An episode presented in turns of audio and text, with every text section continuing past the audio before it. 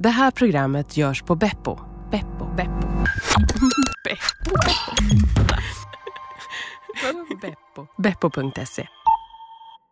Av upphovsrättsliga skäl är musiken i poddversionen förkortad.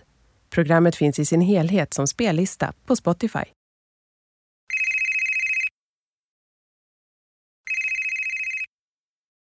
Mobilen ringde. Det var en höstkväll 2005. En riktig brittsommar. Nästan lite kvalmigt ute. Jag hade tre veckor innan börjat på Ogilvy som ECD. Ogilvy var en stor byrå med massor av stora svenska varumärken som kunder. Men med kanske jordens sämsta kreativa rykte. Ogilvys starke man, Lars Blomman Blomberg, brukade skälla på guldägget varje år.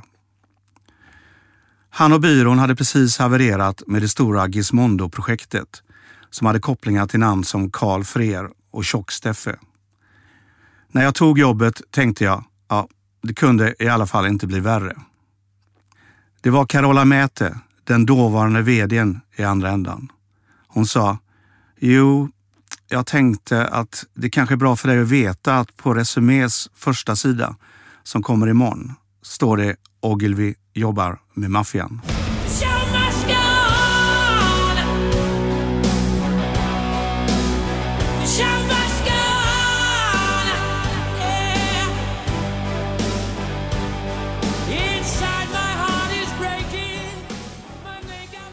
Jag heter Björn Ståhl och är Executive Creative Director på Ingo. Eller kreativt ansvarig eller produktchef om man så vill. Jag började med reklam och kommunikation för ganska exakt 27 år sedan då jag gick ut Bergs reklamskola. Jag växte upp i Mölndal, ett ganska allmänt medelklasshem. Pappa var tjänsteman, mamma jobbade i receptionen på ett företag. Det var en ganska idyllisk uppväxt. Det fanns sjöar att bada i och inte överdrivet mycket fylla och droger. Det finns en annan creative director som också vuxit upp i Mölndal, Magnus Jakobsson.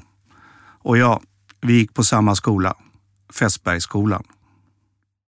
I Mölndal finns inte särskilt mycket som handlar om kommunikation. I alla fall inte vad jag kan komma ihåg. Så varför vi båda hamnade på, får man väl ändå säga, framgångsrika reklambyråer i Stockholm, det vet jag inte. Men jag har alltid varit en sökare. Velat veta vad som finns där borta, bakom nästa krök. Vad som händer om man gör si eller så. Det har hela tiden hållit mig i rörelse, framåt. Några gånger blev jag som fem sexåring hämtad av polisen nere vid Stensjön. Dit ringde av en orolig mamma som inte kunde hitta mig. Varje gång hade jag kommit lite längre. Aldrig nöjd, kan vissa säga. Och ja, när man är nöjd så är det ju så att då börjar man dö. Lite i taget. I got a 69 Chevy with a 396 Fuely heads and a Hearst on the floor Rädsla är en bra drivkraft. Och jag är rädd för ganska mycket. För höga broar till exempel. Jag studerar kartor minutiöst och åker långa omvägar för att slippa dem.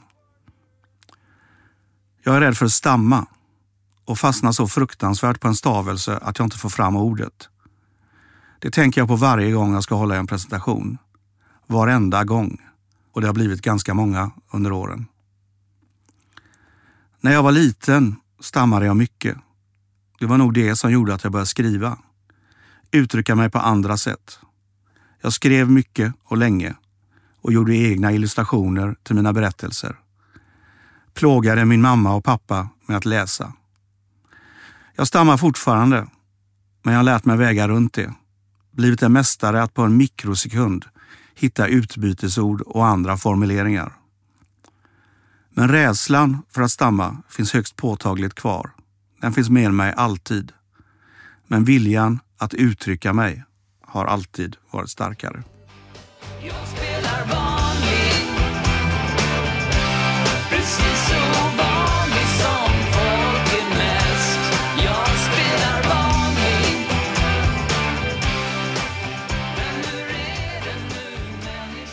Några år efter Bergs började jag på Brindfors reklambyrå. Jag blev kvar där i 11 år. Och där tog det inte lång stund innan jag befann mig mitt ute i vildmarken på Sydön i Nya Zeeland för att spela in en lanseringsfilm för Saab 95. Jag tror det var 1998. Säkert 50 till 60 personer i inspelningsteamet. Massor av olika fordon, restaurangbussar och tre nya Saab 9-5 hade transporterats dit från fabriken i Trollhättan. Två var reservbilar ifall vi skulle ha olyckor. Vi hade ju åkt rätt långt. Regissören och fotografen var från London och flög helikopter mellan motellet där vi bodde och inspelningsplatsen. Platsen var underskön, högst upp på ett litet berg med ett böljande grönt landskap som bredde ut sig därunder. På toppen stod ett äppelträd, ett stort äppelträd. Det gjorde det naturligtvis inte när vi kom dit, så trädet hade transporterats dit, också med helikopter, och planterats på plats. Och alla äpplena var upphängda manuellt. För det var inte äpplesäsong. Ja, det var faktiskt inte ens ett äppleträd om man ska vara ärlig. Det var ett valnötsträd. Bilen skulle köra fram och stanna vid trädet.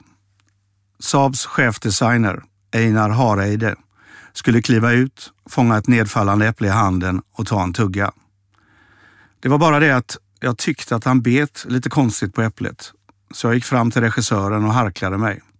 Jag var en ung och framåt copywriter som tyckte att inget kunde stoppa mig. Här kommer natten, kall och underbart lång. Här kommer mörkret,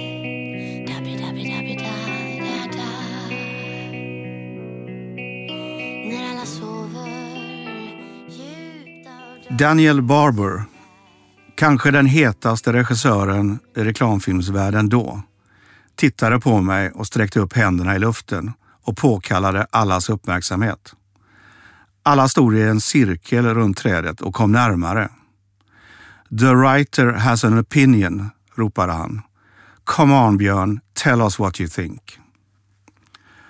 Och jag började harkla fram vad jag tyckte på min svengelska. Det gick inte så bra för mig där och då, men det gick ganska bra för lanseringen. För Saab släppte några nya modeller i några år till innan de försvann. Det blev en tuff resa med Ogilvy. Det hade pågått mycket skit där. Kunderna flydde och tyvärr fick väldigt många sluta. Blomman hade tänkt för mycket på en enda sak. Att tjäna så mycket pengar som möjligt. Till sig själv alltså. Men han och hans närmaste försvann snabbt. Det var upp till Carola Mäte, som också var ny på jobbet, och mig själv att städa upp. Vi hade tur på det kreativa planet. Efter bara något år vann vi ett guldägg för vår kampanj med Delicato. Garanterat fria från fullkorn. Fortfarande många som kommer ihåg den. Delicato vann förresten guldägg i år också, men med en annan byrå. Kommer ni ihåg den som vann? Mm, ja, vilken var det nu ja?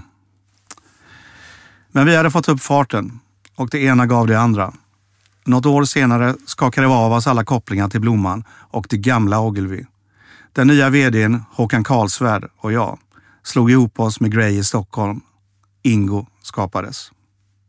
Sedan har det rusat på under ledning av tre fantastiska kvinnor och Håkan i vår ledningsgrupp. Och förstås vår super-CD Josefin Richards, nyligen utnämnd till en av världens bästa. På något sätt blev Delicato starten på ett lite nytt sätt att tänka för oss. Vi insåg att det handlar om att ge något till konsumenten. Något som konsumenten vill ha. Alltså inte en produkt utan att bidra med en större tanke och att vara så intressant att folk vill ta del av vår kommunikation och kanske till och med dela den till nära och kära. Någonstans där idé möter PR som möter media. Tanken utvecklades och förfinades ytterligare och blev någon sorts mekanik med kontrollfrågor som vi nu använder oss av. När detta lyckas särdeles bra gör vi jobb som vi har gjort för Lidl. Någon kanske kommer ihåg restaurang Dill och nu senast The Swedish Number där Sverige fick ett telefonnummer som hela världen kunde ringa.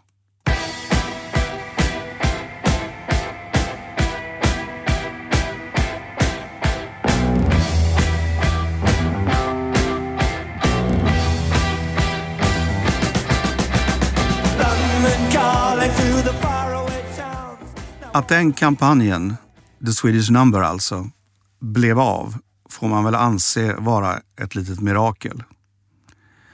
Vi jobbade med den i nästan två år. Kunden var Visit Sweden och Svenska institutet. Vi hade otaliga möten där det gjordes riskanalyser och planer för utrullningen, byggde appar och växellösningar. Sen någon månad innan lanseringen bestämde sig Visit Sweden för att hoppa av. De hade fått andra direktiv av regeringen, sa de. Och då gjorde Svenska institutet det med, för de ville väl inte stå där ensamma. Men det gjorde vi, med en så gott som färdig kampanj och en mobilväxellösning som kanske var den största i världen. Det var då vi ringde Magnus Ling och Jenny Engström på Svenska Turistföreningen. När vi tänkte på det så hade de nästan en bättre match med sina 250 000 medlemmar som kunde hjälpa till att svara i telefon. Magnus och Jenny behövde inte lång tid för att inse att det som var bra för Sverige var bra för Svenska Turistföreningen. Magnus sa, äh, det blir väl något skit med det här men vi kör. Så kom det sig att Visit Sweden, vars uppdrag är att marknadsföra Sverige och svenska värderingar, drog sig ur den i särklass mest framgångsrika PR-kampanj som något land någonsin gjort i världen. Om man räknar ihop PR-värdet som Sverige fick så motsvarar det hela 1,2 miljarder kronor.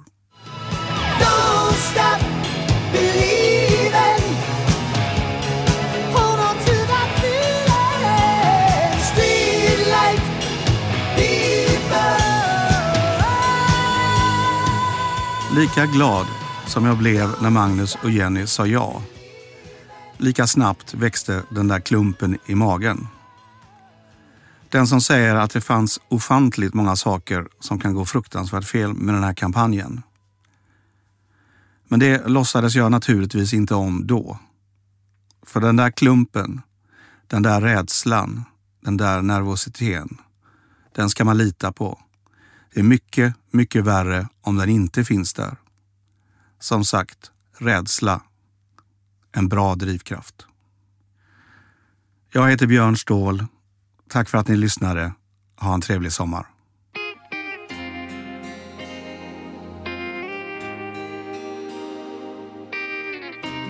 I go down the beaten track along the river with an empty bag. Du har hört ett program i Resumés poddserie I hängmattan, inspelat sommaren 2017. Producent för det här programmet var Jasmin Winberg. Ansvarig utgivare Johan Såte.